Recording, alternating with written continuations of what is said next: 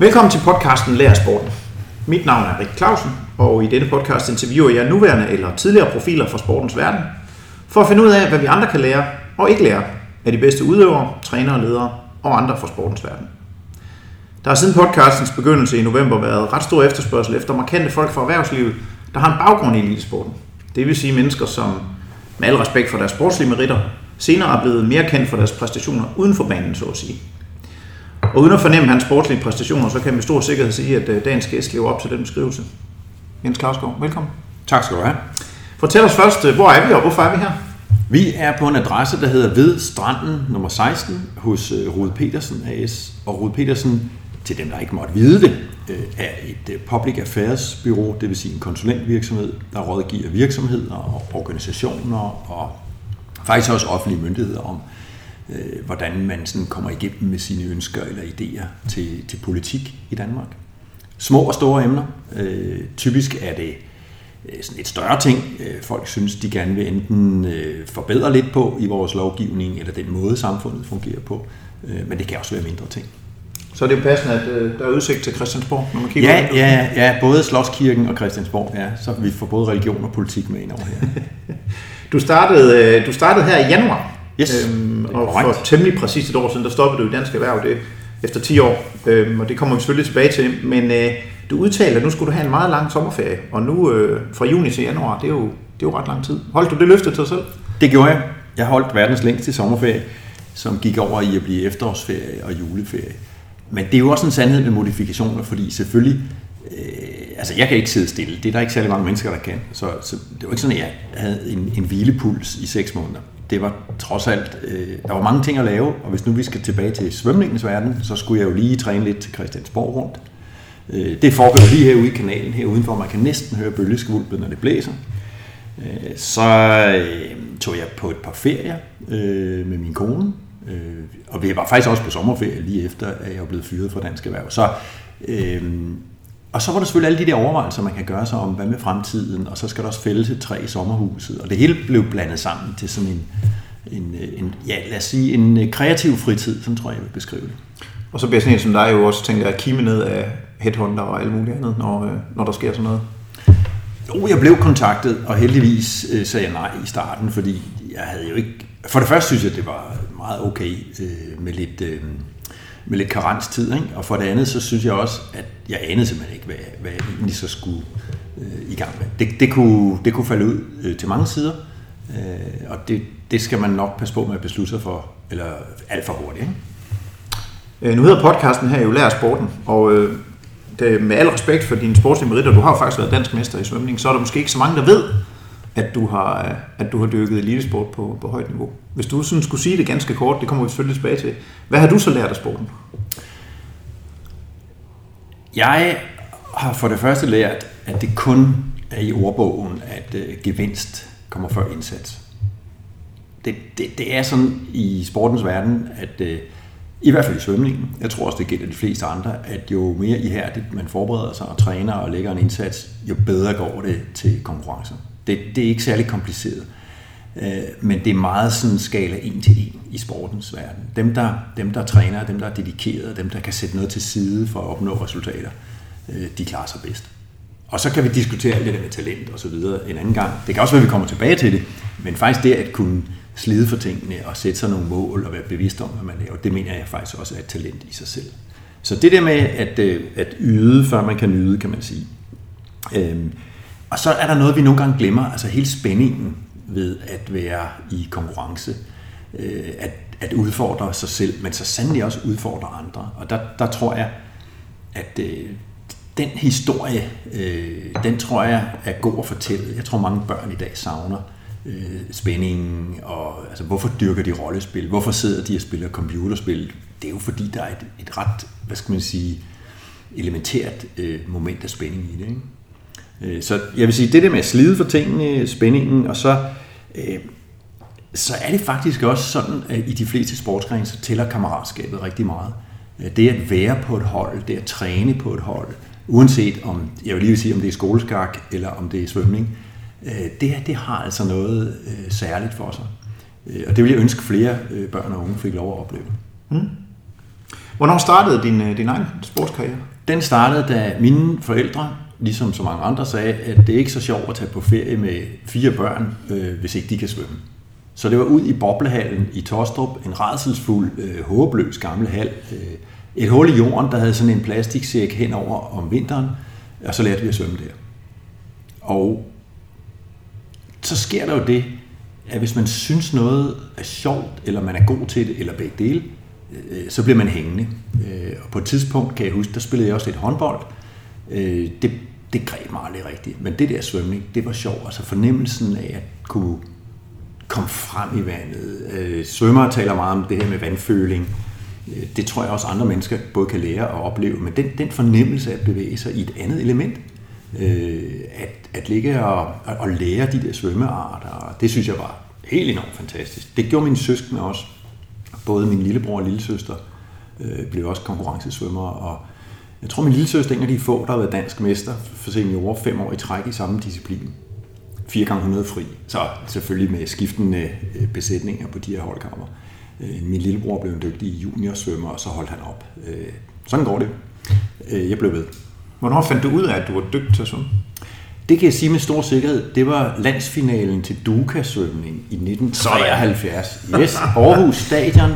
Det blæser altid. For halvdelen kommer hjem med mellemørebetændelse.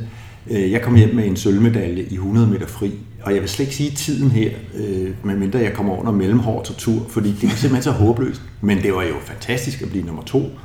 Øh, og og opdage, at øh, det der med at svømme, og det der med at træne for det, og spændingen ved at stå på startskamlen, og, og selve løbet, øh, og så det at få en, en medalje, det var da, det var sgu meget fedt.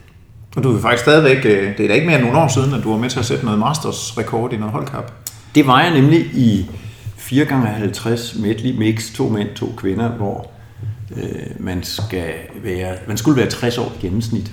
Øh, og der var vi tre gamle Albertslund-svømmere, tidligere Albertslund-svømmere, og så en, en øh, kvinde, som var startet sent med svømning, og som var knaldgod til at svømme 50 ryg, og som var 71 år dengang, og som lige passede med snittet. Ikke? Så kunne hun trække andre lidt mere op? Ja, men hun svømmede på 40 sekunder. Det synes jeg er okay.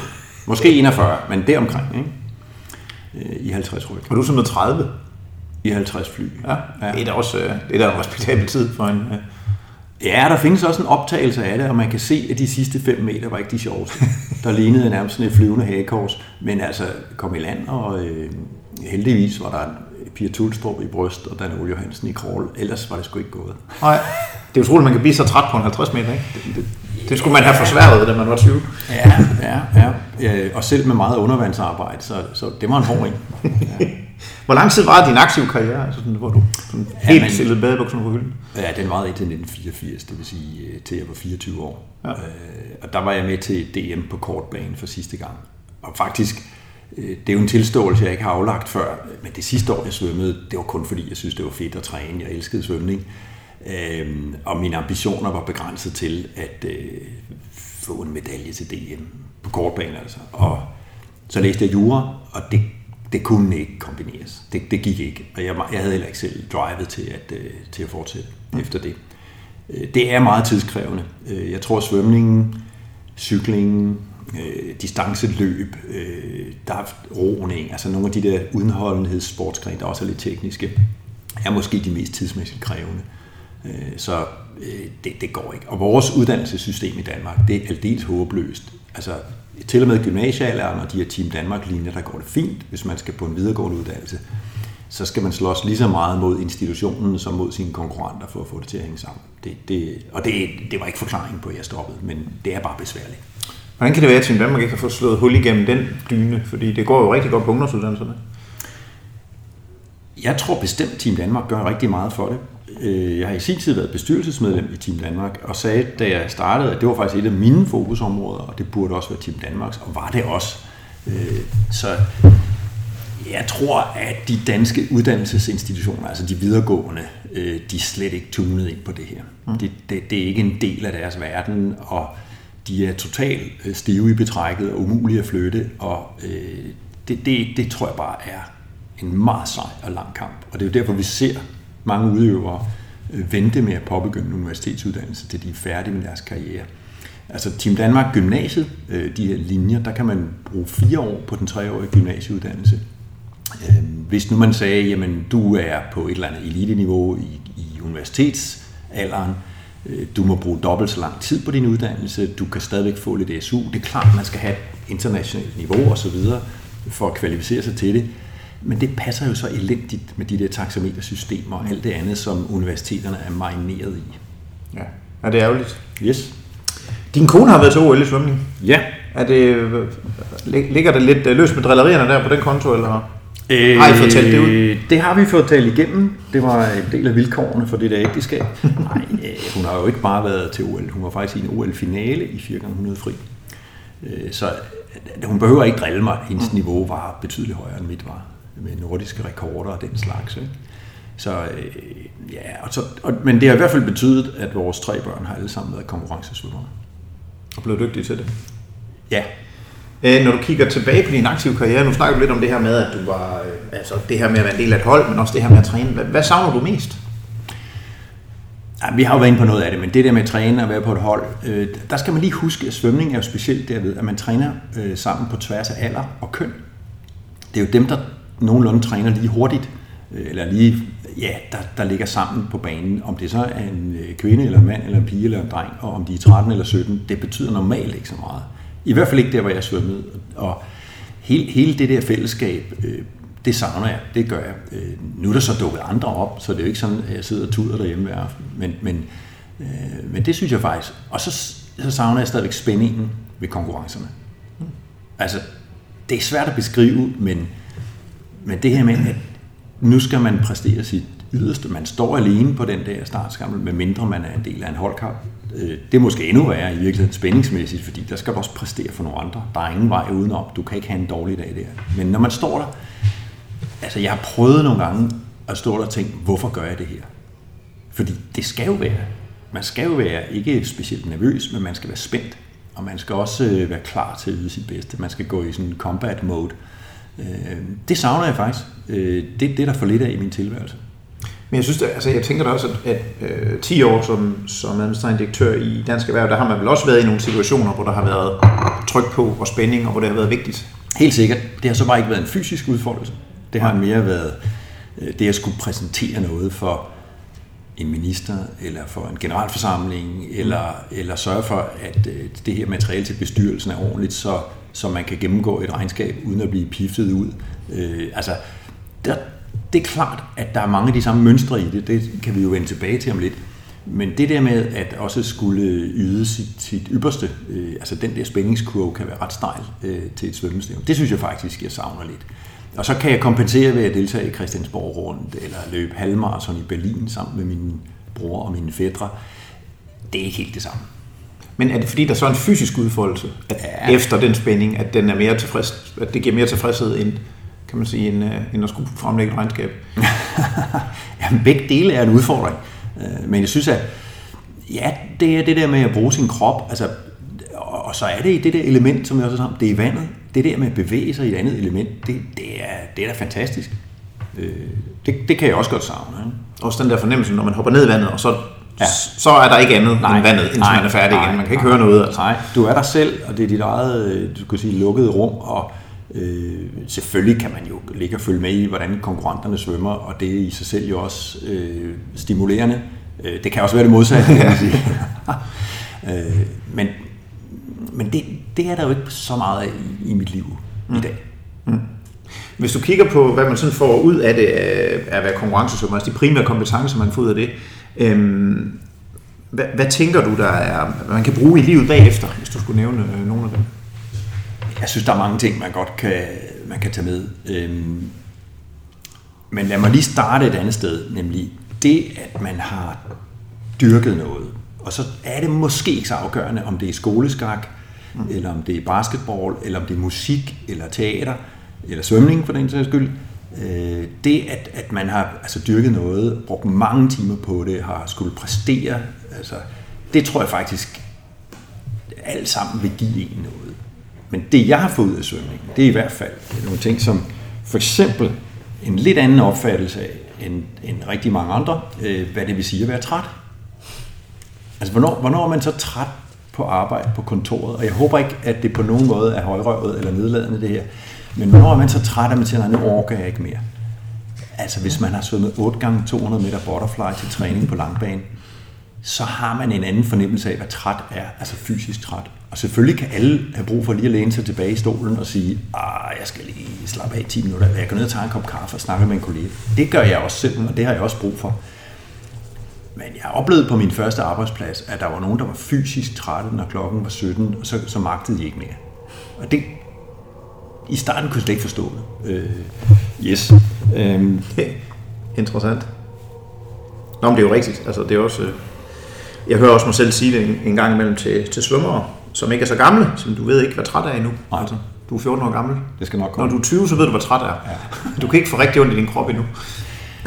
Og i hvert fald fra svømning har jeg også, øh, synes jeg, lært det her med, at man træner i grupper eller i hold, og, og man præsterer individuelt. Mm. Og hvis du slår op i, i de her øh, jobannoncer på nettet, så står der næsten altid, som i næsten altid, at du skal både kunne arbejde i grupper, og du skal også kunne en hel masse selv. Som om man ikke rigtig kan bestemme sig for, øh, hvad det egentlig er, der er vigtigst. Ja. Det, det er der faktisk mange sportsfolk, der kan, for vi, vi har jo prøvet at træne. Vi skal tage hensyn til hinanden. Vi kan ikke ligge og øh, slås på banerne. Øh, vi må finde en hakkeorden, og vi må få tingene til at fungere. Vi må også tage hensyn til hinanden på alle mulige andre måder. Vi hjælper hinanden osv. Men at the end of the day, når vi kommer til et dansk mesterskab, så står vi der alene. Og det synes jeg faktisk, øh, det har jeg oplevet hos mange tidligere sportsfolk, at de kan godt begge dele. Og det tror jeg er meget værdifuldt i dag. Fedt. Er der nogle ting, som man så tilegner sig som eliteudøver, som kan være en ulempe senere hen? Man hører jo meget om primadonna og primadonna-ledelse, og at, at der kan være nogle øh, udøvere, som måske har været vant til, at de har været stjerner, og når så karrieren den er forbi, så står de pludselig der. Og hvad skal jeg nu lave? Ja, men det er da klart. Altså, man kan jo sige, hvis man har dyrket sin sport i det absurde, og ikke rigtig været en del af andre fællesskaber, for eksempel i skolen eller familien, så, så tror jeg, at man står en lille smule afklædt, når man starter på en arbejdsplads, det kan være svært. Og især hvis man er vant til, at der er nogen, der bærer ens taske og tørrer ens tøj, det, det bliver anderledes. Det må man så hurtigt lære, og det tror jeg også, folk lærer på den hårde måde. Men, men jeg, jeg synes, jeg har oplevet tidligere sportsfolk, som er øh, som stadigvæk er så meget konkurrencepræget, øh, hvad der jo ikke gør noget, men det skal man passe på med at tage ind i, i, øh, i sådan en teamfunktion måske. Øh, og så kan det også godt være, at man er lidt utålmodig med dem, øh, som er lidt tunge i røven. Og det, det dur selvfølgelig ikke. Vi, mennesker, folk er forskellige. Øh, vi har forskellige funktioner på arbejdspladserne. Der er både servicefunktioner, og så er der dem, der skal tænke langsigtet, og så er der dem med det meget korte lys på, og så er der dem, der tjener pengene og sælgerne. Altså, så så der, der, skal være, der skal også være plads til folk, som måske ikke øh, har den hastighed, som en tidligere konkurrenceperson ynder at øh, tilbyde og så måske ikke brænder i samme grad for at vinde. Ja, måske for at komme først, for at vinde, for... men eller, eller også, det tror jeg er eller, eller man møder folk, som faktisk brænder for at vinde, men ikke bærer det uden på tøjet. Altså som ikke, som ikke har albuer i kæbehøjde øh, mm. og er klar til at slå de andre om kul, men som faktisk er smadret dygtige og solide og seriøse kolleger og, og kan alt muligt, men, men ikke, ikke, ikke går rundt med sin guldmedalje om halsen. Og det, det har jeg, jeg tror ikke, det er et stort problem, men jeg synes, jeg har set det. Mm. Der er vel også meget snak om det i erhvervslivet, også noget, meget omkring det her med, hvad hedder det, at, at det er noget af det, der gør, at øh, kvinderne har svært ved at komme til ord i forhold til bestyrelsesposter osv., det er, det er meget maskulin, det er meget det der med at slå sig selv på brystet, øh, og, og, og komme frem og med, med rundsav på albuerne osv. Ja, det, det kan der nok være noget om, men hvis det er rigtigt, så skulle tidligere øh, kvindelige altså eliteidrætsudøvere, så skulle de jo befolke alle bestyrelserne. Det gør de jo ikke. Det jeg, tror, der, jeg, tror, der er andre, jeg tror, der er andre mekanismer i det her, som man skal, man skal få has på, hvis man skal sikre den der kønsligestilling, også på bestyrelsesniveau, også på de, de tunge poster rundt omkring. Men jeg tror ikke, det er nogen ulempe for en, øh, en kvinde at have en elitesportsbaggrund, heller ikke i den sammenhæng. Mm. Øhm, jeg kunne godt tænke mig at snakke lidt med dig omkring ledelse også, fordi det er noget af det, der bliver efterspurgt af mine lyttere, det her med, hvad er det, vi kan lære øh, af sporten, men, men, men også nogle folk, som har været i erhvervslivet og i sporten, og, og få et andet blik på, en, øh, på ledelse. Øhm, og det virker lidt på mig som om, at der, der, er, der er tiltagende behov for den moderne leder øh, i dag. Altså tiden er ved at løbe fra den her gamle autoritære leder. Og man kan jo også se det, hvis man kigger på de generationer, øh, der er på vej ud på arbejdsmarkedet nu, de vil have udvikling, øh, de vil have attention fra en leder, de vil, øh, det, det er i virkeligheden deres udvikling, der er mere i fokus end det virksomheden. Sådan, det lyder det i hvert fald til. Øh. Har du set lederrollen forandre sig, øh, siden du startede, øh, ja man kan sige, siden du var direktør i Dansk Byggeri? Det er jo øh, 11-12 år siden.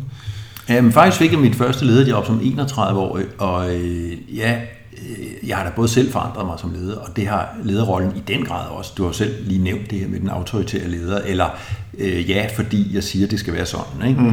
Den, den er svær i dag, og øh, om det er fordi, der er sådan et skub nedefra af yngre mennesker, som kræver en forklaring og gerne vil have en god begrundelse, øh, eller om det er fordi, de faktisk tør sige det, som jeg ikke turde sige til min første leder. Det skal jeg ikke, det skal jeg ikke kunne afgøre. Men det er da klart, at vi har da ændret vanvittigt meget i samfundet øh, de sidste 20-30 år på den her konto. Øh, ja, og det skifter jo meget. Altså, så er der sådan årets modelune inden for øh, sludderslaget af konsulentbranchen, hvor man, så, så er det en ny form for ledelse. Så mm. bliver der skrevet bøger om, nu så skal vi have kænguru-ledelse, og så skal vi have... Ja, du, altså i bund og grund vil de fleste mennesker jo gerne have en leder, som er tydelig i, hvad går opgaverne ud på, hvad er vores mål, og hvordan skal vi nå dem, og som kan følge op og inspirere og motivere undervejs, og som både kan give ris og ros.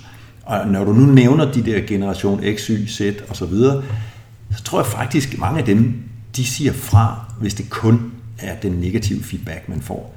Øh, det kan godt være, at de er snart forkælede. Det skal jeg ikke kunne afgøre. Det, det findes der sikkert undersøgelser af. Men egentlig tror jeg, at de bare rigtig gerne vil vide, at det, jeg laver, er det godt nok, øh, og sådan set også godt kan tåle, hvis man får at vide, at øh, her gik du altså helt skævt af opgaven, nu skal du se, hvordan du gør det bedre næste gang. Så jeg er ikke sikker på, at de grundlæggende ting egentlig har forandret sig, men indpakningen er i den grad forandret. Der er vel også nogen, der har behov for at få et los bag i. Altså Lotte Friis sagde det jo, da jeg lavede podcast med en hvor jeg har behov for at få et los bag i. Det havde jeg da jeg svømmet, og det har jeg stadigvæk. Jo, men så tror jeg, vi er tilbage ved det med, at folk er forskellige. Ja. Og du kan ikke drive ledelse på samme måde i militæret, øh, som i en øh, lille øh, startup, hvor de alle sammen sidder i rullekrav og sort jakke og skal snakke øh, design og hvordan de får implementeret nye spændende ting. Og deres, altså, det, det, det er jo forskellige verdener, det er forskellige miljøer. Og så er der en ting, vi nogle gange glemmer, når vi snakker ledelse, og det er jo, at øh, langt de fleste ledere i Danmark, altså langt de fleste, de er jo mellemledere.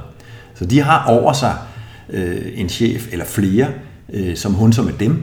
Øh, så de står, altså nu, nu der er, jo, er det en sandwich, de er i, eller er de lus mellem to negle? Der er mange øh, klassiske traver, som skal beskrive det. Men sagen er jo den, at hvis de vælger at være medarbejdernes ambassadør over for ledelsen, så er de hurtigt færdige. Det kan godt være, at de bliver populære blandt medarbejderne på kort sigt, men det gør de da ikke hos dem, der bestemmer, om de fortsat skal være ledere. Mm. Hvis de omvendt kun er ledelsens ambassadør over for medarbejderne, så kan det også godt være, at øh, folk forsvinder fra deres afdelinger. Til sidst øh, bliver der ikke præsteret nok. Det er nogle mennesker, der virkelig skal balancere deres hverdag. Jeg tror også, det er nogle af dem, der ofte bliver ramt af puha, det er sgu lidt hårdt. Tror jeg sige stresset. Ja, jeg er stresset. Ja. Måske det er det rigtige ord. tror du, at tror du, det kommer til at fortsætte, den her den her ledelsesfokusering på, at vi skal udvikle medarbejderne, øh, og vi skal, vi, skal, vi skal være fokuseret på medarbejderne mere, end vi egentlig skal være fokuseret på opgaven, sådan lidt groft sagt. Eller knækker kurven. Hvordan ser du udviklingen de næste 10 år? Jeg tror meget afhænger af, hvordan altså, forskellige teknologier kommer til at bestemme, eller få indflydelse, eller afløse os på arbejdspladserne. Mm. Øh, og det her er ikke et spørgsmål om, at unge ved mere, og er mere sådan, du ved, de digitale indfødte osv., men men hvis man sådan overordnet ser på det, så tror jeg, at det svinger lidt tilbage på et tidspunkt. Så vil man gerne have nogle ledere, som, som er dygtige og motiverende, også veltalende, øh, som kan formulere nogle sjove billeder, eller øh, kan, sætte, kan sætte lidt skub i folk. Øh, jeg synes faktisk, at den største forandring, tilbage til de spørgsmål fra før, det er, at i dag forventer vi ikke, at lederen er alvidende. Mm. Altså, øh, det behøver ikke være den bedste øh, kirurg, der bliver administrerende overlæge. Nej. Det behøver ikke være den bedste jurist, der bliver leder af juridisk afdeling. Øh, det var det engang, synes jeg. Der, der kunne du ikke komme op af, hvis ikke du var den fagligt set bedste. Og det skal selvfølgelig ikke overgøres, sådan at man skal være fagligt udulig for at blive leder. Det er ikke det, jeg mener. Men, men det har ændret sig noget. Øhm, og i dag er der ingen, der kan være fagligt den bedste, fordi fagligt øh, er, er blevet et kæmpestort begreb. Mm. Det er så bredt, det, det er der ingen, der magter. Øh, men, men hvis man kan bringe medarbejdernes fagligheder øh, og kapacitet og kompetencer osv. i spil, så er man en god leder. Og en god træner. Og en god træner.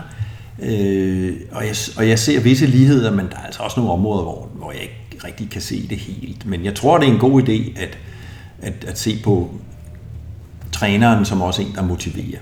Og så er der svømmere, som, øh, som fungerer bedre med pisken end med sweet talk. Jeg plejer at provokere lidt. Vi jeg har været ude og holde nogle oplæg for nogle ledernetværk og, har sagt til dem, at jamen, der er brug for, at de bliver mere trænere i, i de kommende år, øhm, og at der er brug for, at de bruger mere tid på at udvikle deres medarbejdere, i stedet for selv, du ved, at sidde med projekter og sidde med hovedet ind i, øh, ind i, øh, ind i mailboksen. Øhm, hvad tænker du om den? Det er selvfølgelig en provokation, men, men det, det skifte. Det synes jeg er helt rigtigt, øh, helt rigtigt beskrevet. Øh, og igen, altså der er jo ikke nogen, der er ikke nogen chefer, der kan være alvidende på alle de områder. Altså så skal der i hvert fald være en meget, meget lille enhed, de er chef for.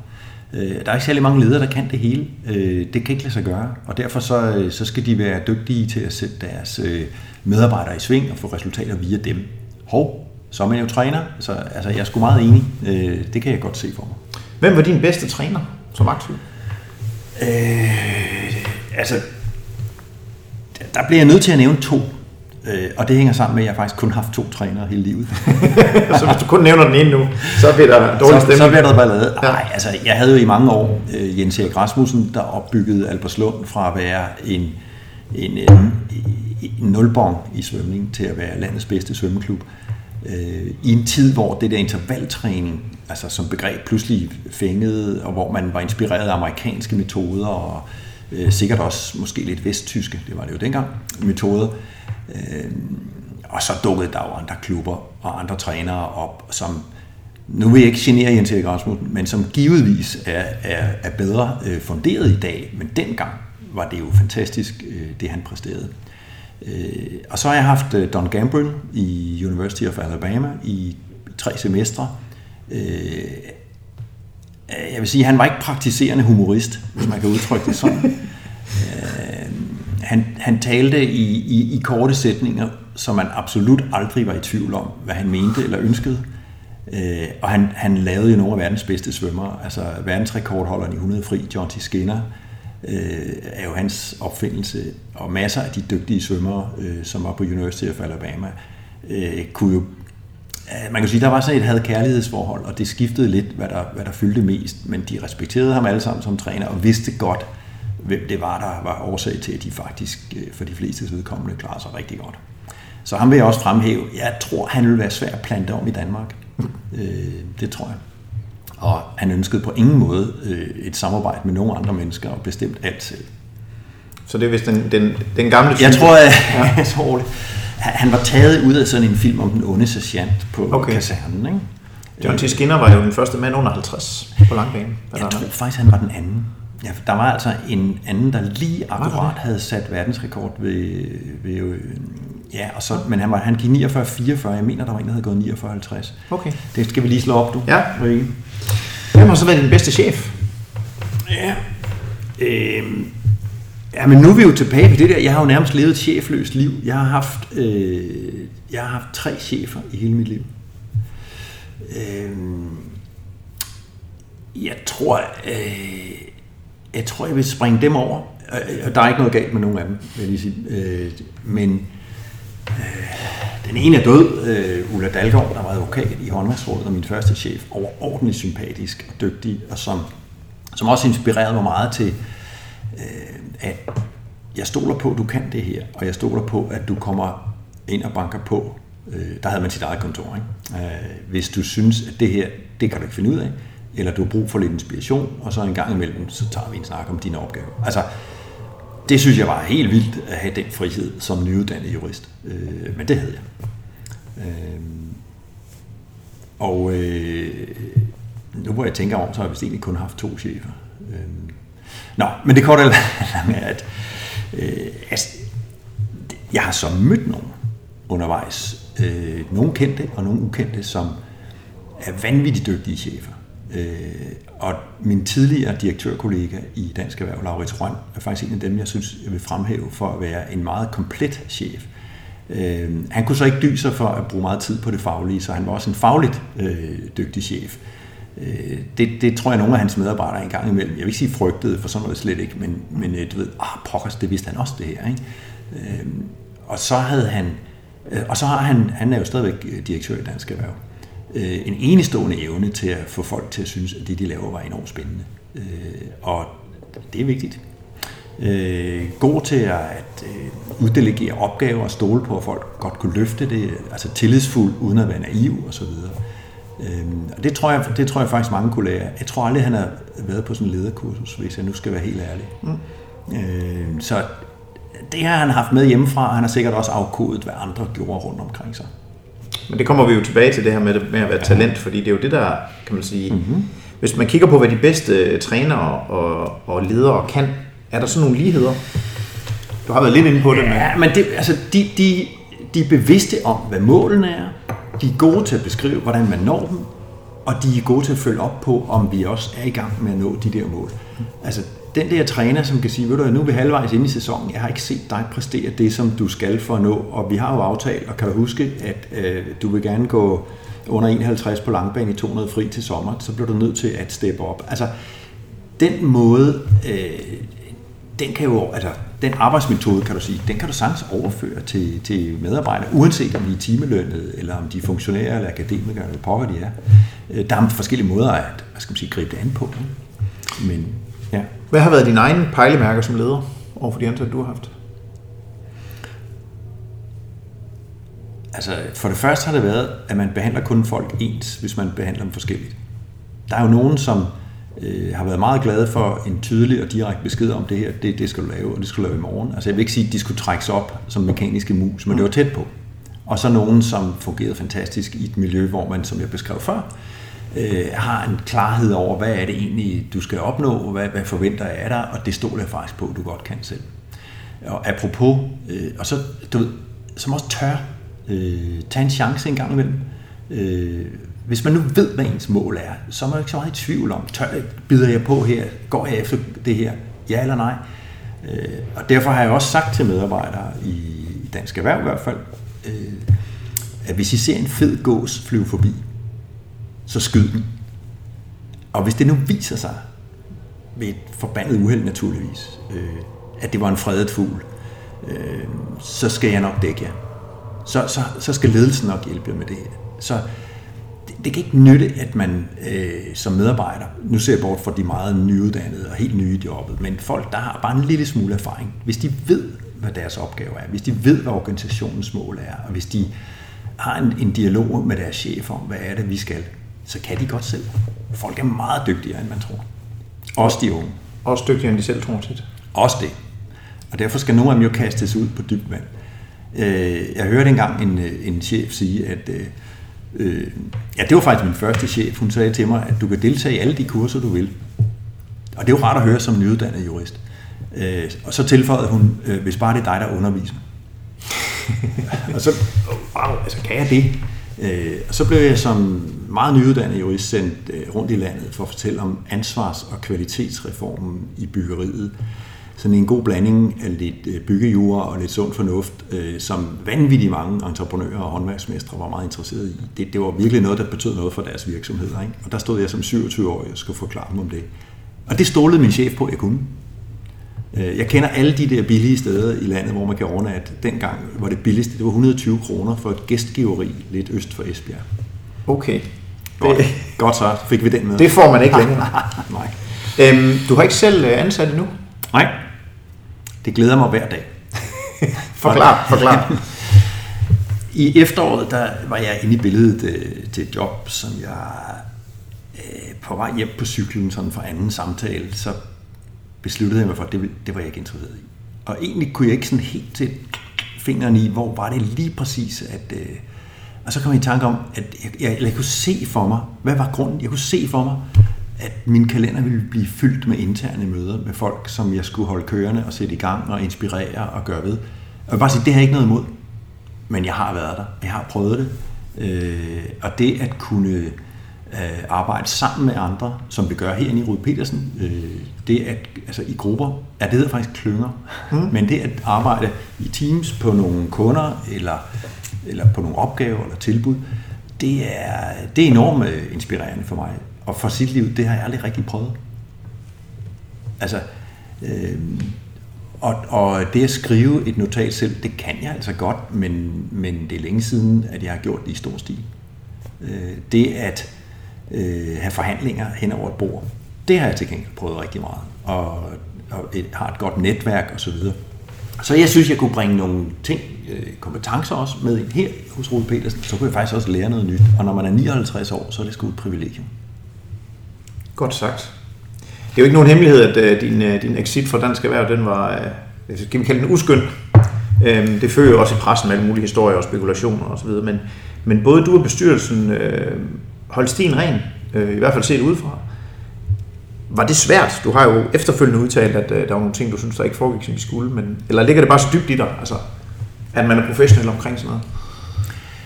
Altså, det skal man jo være professionel omkring, og det, det synes jeg egentlig også, øh, jeg har været. Øhm, der, er jo, der er jo sjældent nogen, der har fået stor gevinst ud af at øh, skælde ud på en tidlig arbejdsgiver, og omvendt. Så, så altså, det, det, har ikke, det har ikke... Det er der ikke så meget perspektiv i, vil jeg sige. Øh, og jeg har jo det, det er jo ikke nogen hemmelighed, at øh, jeg havde ikke set det komme. Jeg blev, jeg blev, jeg blev opsagt, og øh, noget dårligt at ringe til familien og fortælle det, før det var i medierne. Og, og sådan nogle ting, det er klart, det skulle da have været håndteret pænere, det synes jeg da. Men det er altså fortid. Mm. Og det får man ikke så meget ud af at, at i? Nej, nu har jeg lige sagt det her. Altså, ja. det må være rigeligt. Ja. Øhm, hvad har været de bedste oplevelser i de 10 år, du var direktør? Øh, jeg vil sige, jeg har lært en masse nye mennesker, spændende mennesker, dygtige mennesker at kende. Jeg, jeg har stor, altså jeg har meget stor tiltro til, til dansk erhvervsliv som sådan. Altså det er enormt mange dedikerede, øh, sjove, hårdt arbejdende mennesker. Øh, mange af dem har interesser langt ud over sådan lige det snævre fokus på Excel-arket og næste måneds øh, børskurs og kvartalsregnskabet og alt det der. Ikke? Det, øh, det, det, det, har, det har altid glædet mig. Så var det også i dansk byggeri. Nogle af de gamle sådan på overfladen vindtørre ingeniører, øh, de, de dyrkede, altså de gik meget i operan. Øh, de fulgte med i fransk litteratur og den slags. Altså man bliver overrasket på den gode måde. Øh, så er der medarbejderne i Dansk Erhverv. Det har været, den det er da en kæmpe oplevelse. Skidedygtige, undskyld, øh, mægtig dygtige øh, mennesker.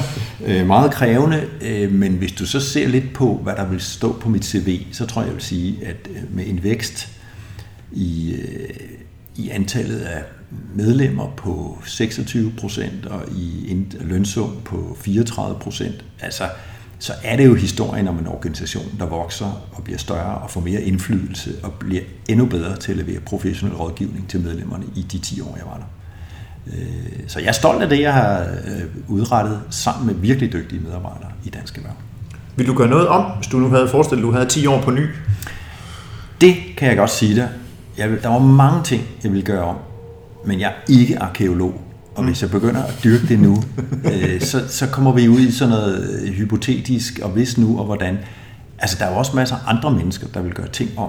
Mm. Øh, og hvis vi alle sammen skulle gå og tale om det, så tror jeg, vi glemte at have, have lyset, altså det lange lys fremad. Så det, det tror jeg, det lader vi ligge her. Jeg har en, jeg har en god ven, der altid siger, at han har aldrig taget en forkert beslutning, for da han tog den, der var han sikker på, at det var den rigtige. Ja, og der er faktisk også altså, en skole inden for det der med, de, med beslutninger, der siger, at det er bedre at tage en dårlig beslutning, end ikke at tage nogen. Det er jeg så ikke helt enig i, men, men jeg tror faktisk, jeg kan sige, at de fleste beslutninger i dansk erhvervstiden er jo også truffet ud fra de bedst mulige, hvad skal man sige, overvejelser og fakta og input og alt muligt andet. Øh, så øh, ja, det der tror jeg, jeg vil tage til mig, det du sagde, eller citerede din ven for. Men jeg er ikke arkeolog, det er sådan Nej, set det vigtigste. det er, et meget godt, det er en meget god, det er en meget god vinkel på det. Øh, altså personligt så har jeg virkelig savnet brancheorganisationerne i den nylig overståede valgkamp. Øh, jeg har siddet og tænkt, om der er der gået lidt for meget lobbyisme i den, og lidt for lidt ideologi, eller, eller er det bare fordi, vi ikke kan se, hvad det er, der foregår, når brancheorganisationerne de fører valgkamp? Jeg tror, det er lidt af hvert. Men du, du, du skal nok, altså vi skal nok starte med det udgangspunkt, at langt de fleste danskere er jo på en eller anden måde, jeg vil ikke sige tilhængere, men, men abonnerer på den samfundsmodel, vi har valgt, og den måde, vi har indrettet os på i dag. Og derfor så kan det, så kan det være en svær øvelse at komme igennem med, øh, at vent lige et øjeblik. Altså, skulle vi ikke kigge lidt på, hvordan vi fremskaffer pengene, frem for hvordan vi fordeler dem? Mm. Fordi der er jo konsensus om, at øh, vi skal have en stor velfærdsstat, og der er langt flere stemmer i at diskutere, øh, hvordan deler vi gaverne ud. Øh, så, så det, er ikke en, det er ikke sådan en nem sag at komme frem med, og man bliver meget hurtigt beskyldt for at være sådan lidt til højre for skråremmen, hvis man synes, at nu skal vi også kigge på erhvervslivets vilkår. Ja. Jamen, hvad mener du? Vil du forstyrre øh, det her konsensus Danmark? Vi er jo alle sammen optaget af, at pædagogerne har det godt, og børnene de bliver klappet på hovedet. Ikke? Og det er svært at være imod. Ja. Du kan næsten ikke finde nogen, der vil sige, nej, vi skal have færre pædagoger, og børnene skal hegnes ind, og så kan de løbe rundt og tæve hinanden med fyldte blæer. Men man kan vel godt diskutere det ene uden yes. at sige det andet. Og, det, og så tager vi den næste. Ja, selvfølgelig synes jeg også, det er ærgerligt, at både dansk industri og dansk erhverv ikke har fyldt mere. Landbrug og fødevarer, øh, dansk byggeri, øh, måske ikke har fyldt mere i valgkampen. Øh, men tro mig, de har gjort, hvad de kunne for at være med og for at sætte agenda. Og der var også nogle af dem, der kørte lidt reklamekampagner og eller annoncekampagner, mener jeg. Og mm. det, det, det har nok ikke, altså jeg, jeg, jeg synes, det har været svært. Jeg tror, det har været svært for dem. Ser du deres rolle forandre sig i fremtiden, eller altså brancheforeningernes, eller... Ja, 100 procent. Altså, de krav, der stilles til brancheforeningen, de vil alt andet lige betyde, at de bliver større. Øh, det kan man være glad for eller begræde. Altså, vi er jo sådan et organisationsland. Ikke? To danskere kan ikke mødes uden at stifte tre foreninger. Nej. Og, øh, og når, så, så jeg tror, at de, de, de, der stilles simpelthen nogle krav fra virksomheden til dem. De skal kunne rådgive på topniveau, professionelt niveau i arbejdsgiver og også erhvervsjuridiske spørgsmål, hvis de gør det. De skal være gode til at forhandle overenskomster og få nogle resultater, der ikke er alt for byråkratiske og dyre. De skal kunne påvirke politikerne til at træffe de rigtige beslutninger. De skal kunne forhindre øh, erhvervspolitiske ulykker, og det, øh, det synes jeg faktisk også, de gør, de store. Øh, de mindre organisationer skal opnå samme professionaliseringsgrad, men på et smallere område. Jeg synes, det taler for, at der bliver lidt færre og lidt større organisationer i Danmark, og de skal, være, de skal holde op med at kalde dem for medlemmer, de skal kalde dem kunder. Og hvis vi lige skal tage afdelingen for pral og selvsmag, så er det faktisk også, hvad man gør i dansk erhverv. Jeg kunne godt tænke mig at kigge lidt ind i det her med forberedelse og træning frem mod, øh, frem mod toppræstation. Fordi nogle dage er jo vigtigere end andre. Det er de som idrætsudøver, men det er de jo også øh, som direktør for Dansk Erhverv. Har du taget nogle af dine øh, forberedelsesritualer for svømningen, for enten træning eller stævner, med, med til de vigtige ting, du så har, har lavet i, øh, i erhvervslivet? Mm, det tror jeg faktisk, jeg har. Øh, man kan jo ikke vide, altså af gode grunde, hvordan ville jeg have præsteret, eller hvordan ville jeg have opført mig, hvis jeg ikke havde været øh, konkurrencesvømmer. Men, men man kan sige, det er altså glæden, øh, forventningen faktisk til at når man skal præstere. Altså til at forberede sig for du ved, at stå på en scene og være keynote speaker, eller øh, hvad det nu kan være. Øh, det er jo egentlig det samme, man går igennem. Altså en tale skal jo øves så mange gange, at folk tror, at man ikke læser den op, men at man næsten kan den udad. Ikke? Mm. Øh, altså, men også glæden ved at forbedre sig. Øh, tilfredsstillelsen ved at sige, jamen, jamen det her, det kan jeg blive bedre til. Hvordan gør jeg? Øh, og så for mit eget vedkommende måtte jeg på et tidspunkt, øh, ikke måtte, men der, der fik jeg dygt, god retorisk træning. Øh, fin lille virksomhed, Retor hedder de, som øh, hjælper folk med den slags. Det koster altså penge, vil jeg lige understrege. Øh, og, og, og pludselig var der sådan to-tre ting, jeg lærte, som, øh, som var ved, ikke noget, jeg var selv kommet på, men okay, jeg har lige rykket et trin op fra overgangssvømmer til juniorsvømmer nu, mm. ikke? Øh, og hvis man så ser på nogle af de andre ting, man også kan kaste sig over, så kan man rykke niveauet op, og jeg vil jo gerne i finalen, jeg vil gerne have medaljer. Og den, den fornemmelse synes jeg egentlig godt, man kunne, man kunne mærke var lidt den samme. Så handler det også om det der med, at, at når du så står og skal præstere noget foran en fyldt sal, at du så kan være i den naturlige spændthed og nervøsitet, der er. Ja. Det har man lært. Det er jo, det er jo der, hvor man, man har taget noget med for alvor, fordi alle mennesker bliver jo enten spændte eller nervøse. Kald det, hvad du vil. Øh, der er jo nogen, der får seneskræk, og der er nogen, der får lampefæ. Der, der er alle de der. Men det at have prøvet det, men også at arbejde under det, og vide, at det er helt naturligt. Mm. Du skal skide grøn, undskyld, grønne grise. øh, beklager. Ja. Altså, det er jo en del af det, øh, og det, det kan du godt øh, præstere på trods af. Du kan faktisk toppræstere med det. Du kan toppræstere, og, ja. og du skal have det. Hvis ikke du føler en lille smule sommerfugl i maven, så er det formentlig ret ligegyldigt for dig, og det vil publikum kunne høre lige på stedet. Det vil en bestyrelse mærke, hvis du ikke har læst tingene, hvis ikke du brænder for det, hvis ikke du synes, det er spændende. Selvfølgelig vil de kunne sige, hvad laver den mand der? Mm. Øh, og, og, og et medarbejdermøde. Prøv at forestille dig at stå foran 200 medarbejdere, og så være uforberedt, ufokuseret, og ikke have, have en lille smule kriller. Mm. Det, det bliver da aldrig godt. Mm. De vil jo gerne vide, hvad, hvad er det egentlig sådan en direktion, eller hvad det nu er, går og tænker på. Øh, og, og hvordan kommer det mig ved? Det skal man forberede rigtig grundigt. Og man skal også synes, det er sjovt, og man skal også være lidt nervøs. Øhm, har du nogle råd til mennesker, som ikke har baggrund i elitesporten, i forhold til det med at præstere på dagen? Der er mange, der har eksamensangst, og der er jo mange mennesker, der siger, at det værste, jeg overhovedet kan forestille mig, det er at skulle tale til en stor forsamling. Det, det er mit værste mareridt. Mm, ja, altså, der er rigtig mange, der er gode til at give råd til folk, der har eksamensproblemer, ikke? eller som slet ikke tør stille sig op i sådan nogle forsamlinger. Øh, jeg, jeg ved godt, det lyder helt banalt, men mit bedste råd, det er jo at prøve det. Og hvis man synes, at det tør man ikke kaste sig ud i, så kunne man jo starte i det små med at spille dart mod sin bedste ven. Fordi der kommer den der konkurrence også ind i billedet. Det er jo sjovt. Altså en af jer vinder, og en af jer taber. Men, men øh, der, der er også nogen, det må man erkende, de har det ikke. Og de har ikke lyst til det, de kommer aldrig til at have det. Så, så skal de heller ikke gøre det. Mm. Øh, det er bare svært at gå igennem livet uden eksamener, ikke? Nu kører de alle sammen rundt øh, i de her uger. Jo, ja, og nu taler jeg mest om dem, der er med at stille sig op i forsamlinger. Der er jo folk, ja. der er knaldgode. Min kone, nu afsløring, afsløring, er rigtig god til at skrive taler. Hun er ikke så glad for at holde dem. Mm. Så skal hun ikke holde dem. Så skal hun lade en stand-upper, han er så, ja. gøre det.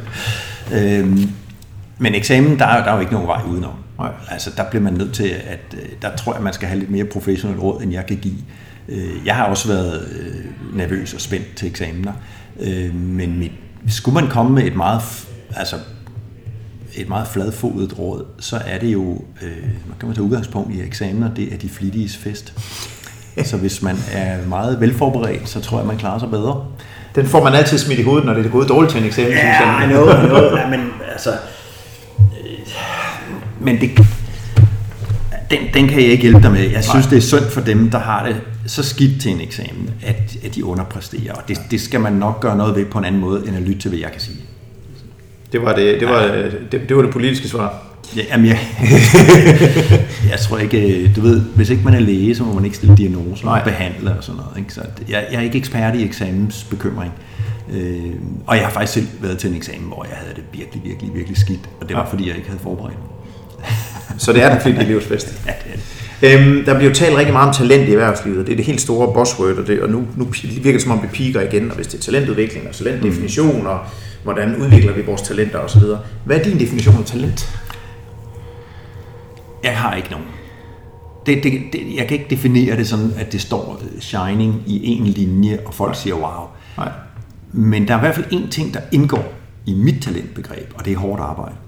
Jeg kender ingen, der har præsteret på højt niveau, uden at de har slidt og slidt og slidt og slidt for det. Mm. Og derfor så skal vi passe meget på i sportens verden med at snakke om de der talenter, som har den smukkeste stil, som glider gennem vandet, ja. og som kan alt muligt. Jamen, hvis de ikke magter eller har lyst, det, det er jo fair nok til at træne hårdt, til at underkaste sig den disciplin, der skal til, så er de i mine øjne ikke et talent. Det, det er jo sådan set enkelt lov. Og tage den direkte i, i erhvervslivet. Jeg har mødt masser af mennesker, som faktisk var rigtig, rigtig, rigtig flittige og kunne komme meget langt på det. Men måske ikke havde verdens bedste eksamen, og ikke, kunne, øh, ikke, ikke ville øh, jorde alle i bedserviser, eller en IQ-test, eller hvad det nu kan være. Men man kan faktisk komme meget langt. Øh, og omvendt har jeg mødt nogen, som havde anlæg, kan man sige, ikke? For, for matematik, eller sprog, eller håndarbejde, men som ikke gad det. Mm. Eller ikke, ikke, ikke vil bruge tid på det, så kommer man ikke så langt. Øh, og jeg tror, vi bilder unge mennesker noget ind, hvis vi bliver ved med at snakke om talent, uden at have det element med. Der er, der er ingen talenter. Jeg tror, jeg ved, sportfolk har snakket meget om det der med held. Ikke? Øh, jo mere jeg træner, jo heldigere bliver jeg. Ja. Det, det ved jeg i hvert fald, Prem Elke er citeret for. Og, ja. Men han var jo ikke ham, der fandt det. Jeg, jeg mener, det var en tennisspiller, der sagde det først. Det er også ligegyldigt. Selvfølgelig kan man være heldig, men altså, jo mere man træner, jo heldigere bliver man. Jeg siger altid, at talenter er fint, men talenter skal trænes. Ja. Og så skal man også huske, apropos, når, vi, altså, når man bilder unge mennesker ind, at de kan planlægge deres karriere. Øh, fordi det er jo også en del af det her med at være talent, så kan du nå dertil. Der er altså også en betydelig del af held eller tilfældighed med i spillet. Hvornår er det job ledig, som du lige lander på, hvor du shiner? Eller øh, hvordan altså, skal du til udlandet, eller skal du være i Danmark? Jamen det er da ikke noget, man nødvendigvis kan bestemme selv. Der, der kan også ske ting, som som gør, at det bliver en lettere vej at gå. Øh, hvis man studerer i udlandet, så er sandsynligheden for, at man måske lander et job i det land større, end hvis man sidder herhjemme og tænker, at det kunne være sjovt, og så ikke gøre noget ved det. Men jeg tror bare, at tilfældighed betyder også noget. Det har det betydet for mig. Øh, da jeg var i, øh, i dansk byggeri, det var så før fusionen, men never mind, lad os kalde det dansk byggeri, der var der jo en, en direktør, som 57 år besluttede sig for at stoppe. Nu havde han lyst til noget andet, og vupti, så var den stilling ledig. Altså, og der endte jeg. Det kunne jo godt være, øh, at øh, hvis han var blevet siddende længere, så havde jeg lavet noget helt andet. Mm. Er der en større element af held i erhvervslivet, end er i sporten? så tror jeg, du skal sige, at det kommer ind på sportsgren. Altså selv hvis jeg stillede op i skak mod Magnus Carlsen, så vil jeg ikke vinde, øh, uanset hvor tilfældigt det gik. Så nej, det tror jeg, det, det, skal man, det skal man være forsigtig med at sige. Men der kan, der kan sagtens være det. Mm. Øh, og så er der jo det i erhvervslivet, der, kan du også, øh, der finder man også eksempler på folk, der brillerer uden egentlig at have noget substantielt bag det. Øh, gode distanceblændere, det er svært i sporten. Ja. I hvert fald i en sportsgren, hvor man skal træne. Øhm, hvis du kunne vælge en egenskab for idrættens verden, og så give den til alle medarbejdere. Lad os nu lege, du stadigvæk havde chefansvar. Mm. Hvad skulle det så være for en egenskab? Ja, øh, det ville være glæden, glæden ved at præstere. Altså det, det, at man forbereder noget, og man man gør sig umage, og man arbejder på noget for at, øh, for at præstere, for at sætte sig nye mål, for at komme videre. Det, det tror jeg vil være det vigtigste. Øh, så altså, det lyder sådan lidt trist bare at sige vedholdenhed, men det er jo mm. måske i virkeligheden det, jeg taler om. Umage. Ja, gør, altså, du ved, øh, gør sig god. Noget af det, jeg øh, over, det er det her med, at i sportens verden, der, der kigger vi jo på output. Mm. Man hører jo aldrig, man læser aldrig avisen, Brøndby tabte 3-1, men de har trænet helt vildt godt hele ugen. Nej. Fordi det er vi rimelig ligeglade med, ja. hvis de taber 3-1. Øhm, men det virker på mig som om, at man kigger meget på de timer, der bliver brugt. Det gør man jo, der er en 37 timers arbejdsuge osv., frem for at kigge så meget på resultat. Det er mere sådan, nu er du her 37 timer, og så lidt groft sagt, så regner vi med, at så præsterer du et eller andet på de 37 timer, frem for at vende den om. Det er selvfølgelig lidt karikeret, så man kan jo heller ikke sige, du må fuldstændig selv om mange timer, du bruger, bare du løser opgaven. Eller kan man? Jo, det kan man godt. Og det er der faktisk rigtig mange, der gør. Der er jo ganske mange mennesker, der er ansat på det, du kan kalde præstationsløn. Altså, du skal lave nogle ting, mm. øh, men, men det er sådan set ligegyldigt, om du bruger to eller 17 timer på det, eller vi skal have løst de her opgaver, sådan tror jeg hellere, jeg vil sige det. Øh, og så er det bare i gang. Øh, og om du laver det derhjemme klokken 9 til 11 om aftenen, eller 21 til 23, mm. når børnene er lagt i seng, og der er fred og ro, eller om du sidder her med det, eller laver det i weekend, det, det er måske ikke så afgørende, men vi har en deadline, og vi har måske nogle kunder, eller vi har en anden afdeling, der er afhængig internt af, at du laver et eller andet. Bestyrelsen skal have det oplæg, whatever. Øh, det ser man mange steder. Øh, men jeg tror, det er farligt at sige, at du skal bare bruge lidt tid på det, og det gør ikke noget, det ikke er så meget. Altså, mm. ja, øh, der, der tror jeg stadigvæk også, at vi er, vi er jo sådan opdraget med en protestantisk arbejdsmoral. Ikke? Mm. Vi møder kl. 8, og så... Ja, den, den er også under opbrud, heldigvis for det. Du må, altså der, hvor jeg har været ansat, der måtte man altid gerne møde kl. 7, hvis man ville. Touché. Øh, altså, jeg tror 8 til 4 er stendødt. Jeg tror ikke, om 10 år er der ikke nogen mennesker, der sidder på et kontor øh, Nej, for 8 til 4. Men derfor kan det godt være, at man er mere produktiv. Det, kan bare, det er bare på en anden måde. Mm. Øh, der er jo redskaber til det. Altså, da jeg startede på arbejdsmarkedet, der, der var der ikke noget... Det der internet, det kendte jeg da ikke noget til. Nej. Jeg ved ikke. altså, den første computer, altså i dag vil man skrige og grine. Altså, en, en almindelig mobiltelefon kan 100 gange mere. Så, så, så det er også derfor, den måde, vores arbejdsmarked bliver, øh, er ved at blive indrettet på, Jamen, det er da klart, der sker store forandringer. Men trust me, mennesker vil gerne arbejde i flok, og derfor er hverken arbejdspladsen, eller kontoret, eller fabrikken, eller lageret dødt. Mm. Det, det, og, det kan, og du kan godt være, at du siger, at det er på museum en dag. Prøv at se hernede på caféen, der sidder folk jo med deres laptop og arbejder, eller hvad fanden de gør. Ja, men der snakker vi, øh, der snakker vi København, K og Ø. Altså, verden er helt anderledes derudenfor. Det skal man også lige huske, når vi sidder her ved stranden hos Rud Petersen. Ja, god pointe. Jeg kan i hvert fald også mærke det som selvstændig, at nogle gange så har man, savner man at være en del af et hold på samme mm. måde som man. Ja. Øhm, jeg har jo øh, så øh, kabret øh, Henrik Stenmann, som jo er direktør for IIH Nordic, og de har jo indført den her fire dages øh, arbejdsuge. Ja. Og, øh, og de har forbedret produktivitet og højnet medarbejdertilfredshed, der er ikke noget sygefravær, og folk bliver der osv. Øhm, og de arbejder 30 timer om ugen, fordi det man jo så kunne sige, det var, ja, jamen, så arbejder de vel bare 10 timer om dagen. Det giver jo stadigvæk 40 timer. Men angiveligt så arbejder de 30 timer om ugen. Øhm, hvad tænker du om den model? Hvad skal jeg spørge ham om? Jeg synes, du skal øh, spørge ham, om han har været for dårlig til at tilrettelægge arbejdet, dengang de havde 5 dages uge. Og det skal du gøre med et glimt i øjet. Selvfølgelig. Fordi i min verden er både mennesker og virksomheder forskellige, og det, der virker for ham og hans virksomhed, det er altså ikke sikkert, det virker på et øh, apotek, hvor, man, hvor der er åbningstider. Nej. Altså, det, det siger sig selv. Men der er jo masser af andre steder, hvor det, det kan blive overordentligt vanskeligt. Øh, og så er jeg faktisk... Jeg har mødt gamle bygningshåndværkere, da jeg var i Dansk Byggeri, som sagde, at det var faktisk lidt sjovere i gamle dage, hvor man var der øh, fem eller seks dage om ugen, er nogen der kan huske. Ja, nu, nu bliver det hurtigt sådan noget romantisk, når man snakker om den slags. Mm. Men hvor man faktisk øh, havde en lille smule mere tid undervejs. Det vil sige, at man startede ikke huha i vilde dyr øh, kl. 7.30 eller hvornår nu man starter i byggeriet. Øh, og man, øh, det, det var hele presset var ikke så hårdt. Der var lige en pause eller to mere. Vi arbejdede ganske vist 40 timer om ugen. Man blev måske ikke så nedslidt. Øh, så jeg er ikke sikker på, at den rigtige vej at gå er at rykke tilbage, sådan at vi til sidst arbejder en dag, 12 timer, fuld knald. Øh, altså, det, det, det tror jeg simpelthen ikke på.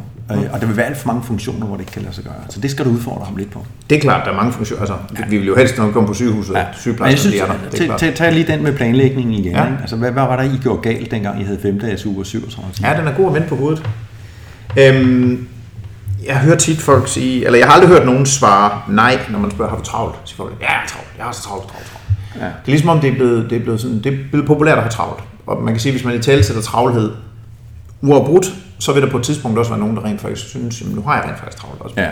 Det, det, så kommer der stress og så videre, og så videre. Hvad tænker du om den her travlhedskultur, vi har nu? Du har snakket lidt om det, det her med, at det kan, det kan godt være, at det ikke altid er, er godt at skulle være super effektiv hver dag fra 37. Ej, men nu, nu, nu, øh, nu pirker du med en kæmpe stor pind i den her myretue, der hedder mine fordomme om den slags. Og så mm. tror jeg, vi skal lidt tilbage til, til konkurrencesvømningen. For en af de ting, man lærte, det var jo modgang. Det var jo at tabe. Det var jo, at tilværelsen kunne være rå og ubarmhjertig. Det var jo at satse på, at her skulle man gå efter guldet, øh, og så kom man ikke engang i finalen. Ja. Og være ulykkelig over det. Men dengang var der tre, nu er der vist 5-6 dage til et dansk mesterskab. Man skulle op og svømme næste dag. Ja. Så, så det her med at, at tage noget modgang øh, og få nogle klø, det skete jo. Øh, også selvom man synes, det var dybt uretfærdigt og alt det der, ens træner slet ikke kunne forstå det. Og, øh, du har selv været træner, så du kender også alle søforklaringer, men det kan jo ske. Mm. Og det her med at tåle modgang og have oplevet nederlag, og så skulle fortsætte næste dag, det er en meget værdifuld øh, erfaring i livet. Øh, og den synes jeg, øh, den, den vil jeg ønske, at flere havde prøvet. Altså ikke fordi jeg ønsker børn og unge nederlag og den slags, men det at kunne håndtere modgang, det er måske en af de ting, vi ikke er særlig gode til i dag. Og det er også derfor, folk synes, de har så umådeligt travlt. Det er derfor, rigtig mange mennesker jo også, og nu ser jeg bort fra de virkelig alvorlige stresstilfælde, fordi det er en kategori. Men rigtig mange mennesker synes, de har så umådeligt travlt, og de kan ikke rigtigt, og det er også slemt. Jamen altså, vågn lige op. Vi ser tv, nu taler vi om tv, mere end to timer om dagen i gennemsnit hver dansker. Vi bruger timevis på sociale medier. Vi arbejder som altså arbejder allermindst blandt borgere i Europa. Jeg tror ikke, det er arbejdet, der alene er skyld i, at vi har så umådeligt travlt. Vi skal også dyrke yoga, vi skal være fantastiske forældre for vores børn, og i virkeligheden kunne de have godt af, at vi ikke var over nakken på dem hele tiden. Vi skal også sørge for, at vi ser knaldgodt ud, når vi tager selfies, og vi skal også på de rigtige ferier, helst tre gange om året til Thailand. Det siger vi så ikke, fordi vi skal ikke flyve længere. prøv, at, prøv at fortsætte, og vi skal også have fritidsinteresser, og vi skal følge børnene til, til ridning og bueskydning og stangspring og det hele på en gang. Tror du, det er arbejdet alene, der gør, at man, bliver, at man synes, man har meget travlt? Det, det kan jeg simpelthen ikke forestille mig. Det, fordi så meget arbejder vi slet ikke.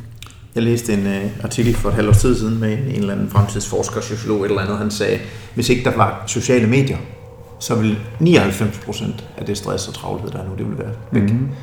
For det er i virkeligheden det, der er, det er vores behov for at fortælle folk, hvor godt det går. Det er i virkeligheden det, der stresser os. Det kunne godt være. Især ja. hvis det ikke går godt. Ja, fordi vi ser jo de andre. Kæft, hvor ser de godt ja. ud, ikke? Og de er slanke og photoshoppet en væk, eller, eller også så har de stillet lyset rigtigt. Øh, jamen, jamen, prøv at mennesker, mennesker har jo deller og bumser og er blevet tyndhåret. Ikke? Sådan er det. Jamen, sådan, sådan er verden altså. Det, det kan du ikke gøre noget ved. jo, noget af det kan du.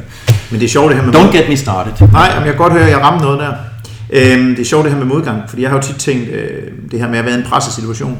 Altså det der, når en svømmer slår ind, som har ydet alt det sidste år, mm. for at opnå en kvalifikation, eller komme med på et landshold, eller et eller andet, og det kigger og der står det jo på scoreboardet, ja. lige der. Der er jo ikke nogen mus-samtale bagefter, Nej. vi kan ikke bortforklare sådan. Det Nej. står, altså, Det er en vores performance appraisal, den står deroppe, ikke? Det er en objektiv realitet. Og så har du halvanden minut som træner til at finde grimas, der kan passe. Ikke?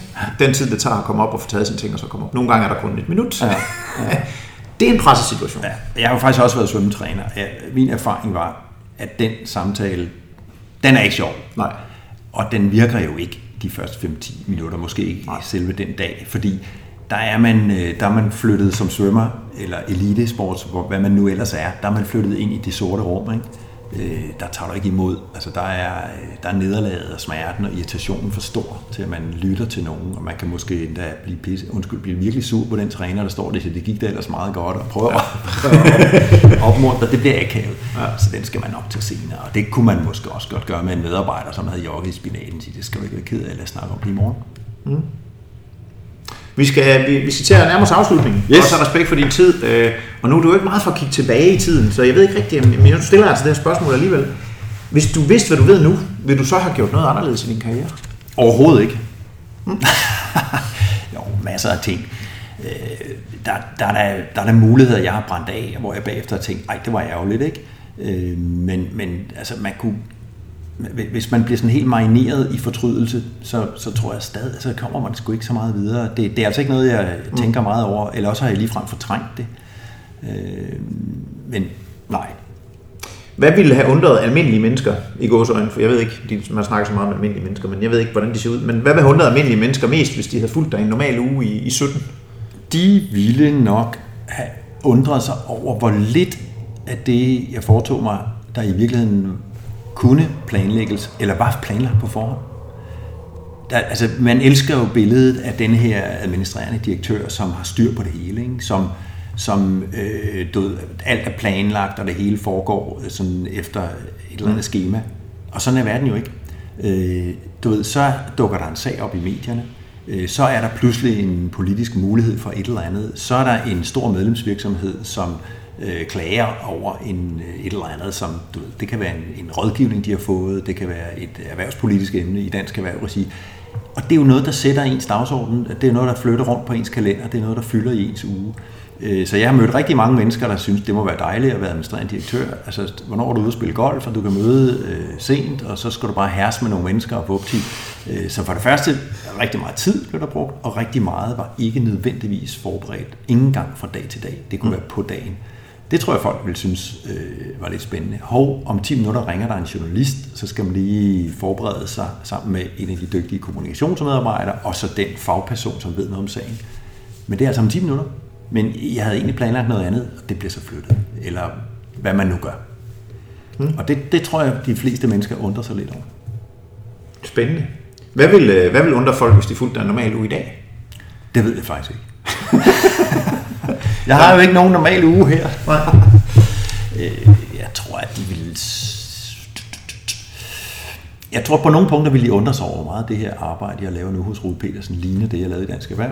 Det er noget med erhvervspolitik, det er noget med rådgivning af virksomheder, det er noget med at prøve at flytte nogle pæle i sandet, det er, det er interaktion med mennesker, det, så på den måde er det ikke så langt væk. Øh, De vil så også undre sig, det har jeg i hvert fald mødt rigtig mange, synes over, at jeg ikke øh, var meget fascineret eller optaget af at vende tilbage til, eller fortsætte i sådan et øh, CEO, eller mm. i hvert fald et, et topjob, øh, hvor man kunne øh, drive med det samme, som jeg havde lavet, siden jeg blev 31 år. Men det gør jeg altså ikke. Mm. Jeg har, jeg har noget, jeg kalder fire hurtigt til sidst, og, og det som de, øh, de spørgsmål er karakteriseret ved, det er, at du må, egentlig, du må egentlig bruge så lang tid, du har lyst på at svare, men du skal helst ikke bruge alt for lang tid på at tænke. Mm. Øhm, så hvis du kun måtte give et råd til en talentfuld ung medarbejder i erhvervslivet, du ved sådan top 100 i børsen-agtigt, hvad vil det så være? Tag et job i udlandet på et eller andet tidspunkt. Det er en gylden erfaring. det er noget med at blive smidt ud et sted, hvor man oplever lidt det samme som det her i konkurrenceidrætten. Der vil være modgang, der vil være problemer, du vil ikke forstå folk, de vil ikke forstå dig. Jo, I kan tale samme sprog, men der er også noget kultur. Tag til langt bort i stand og få et, et vanskeligt og mærkeligt job. Øh, og kom beriget tilbage. Øh, pas dog på med at tage en kæreste eller ægtefælle med hjem, fordi der er Danmark helt til hest med de der vanvittige regler, vi har på det område, men det var ja. mit råd. Okay.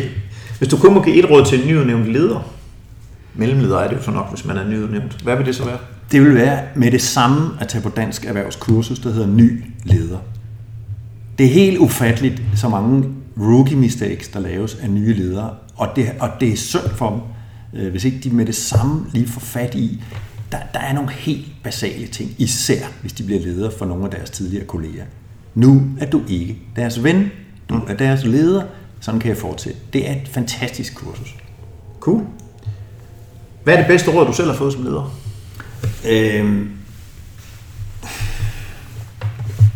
nu lyder jeg utaknemmelig, og jeg har, jeg har fået mange råd. Øhm, jeg, jeg, jeg kan ikke sige, at der er mange, der sådan har printet sig ind, og det holdt op, det skal jeg huske.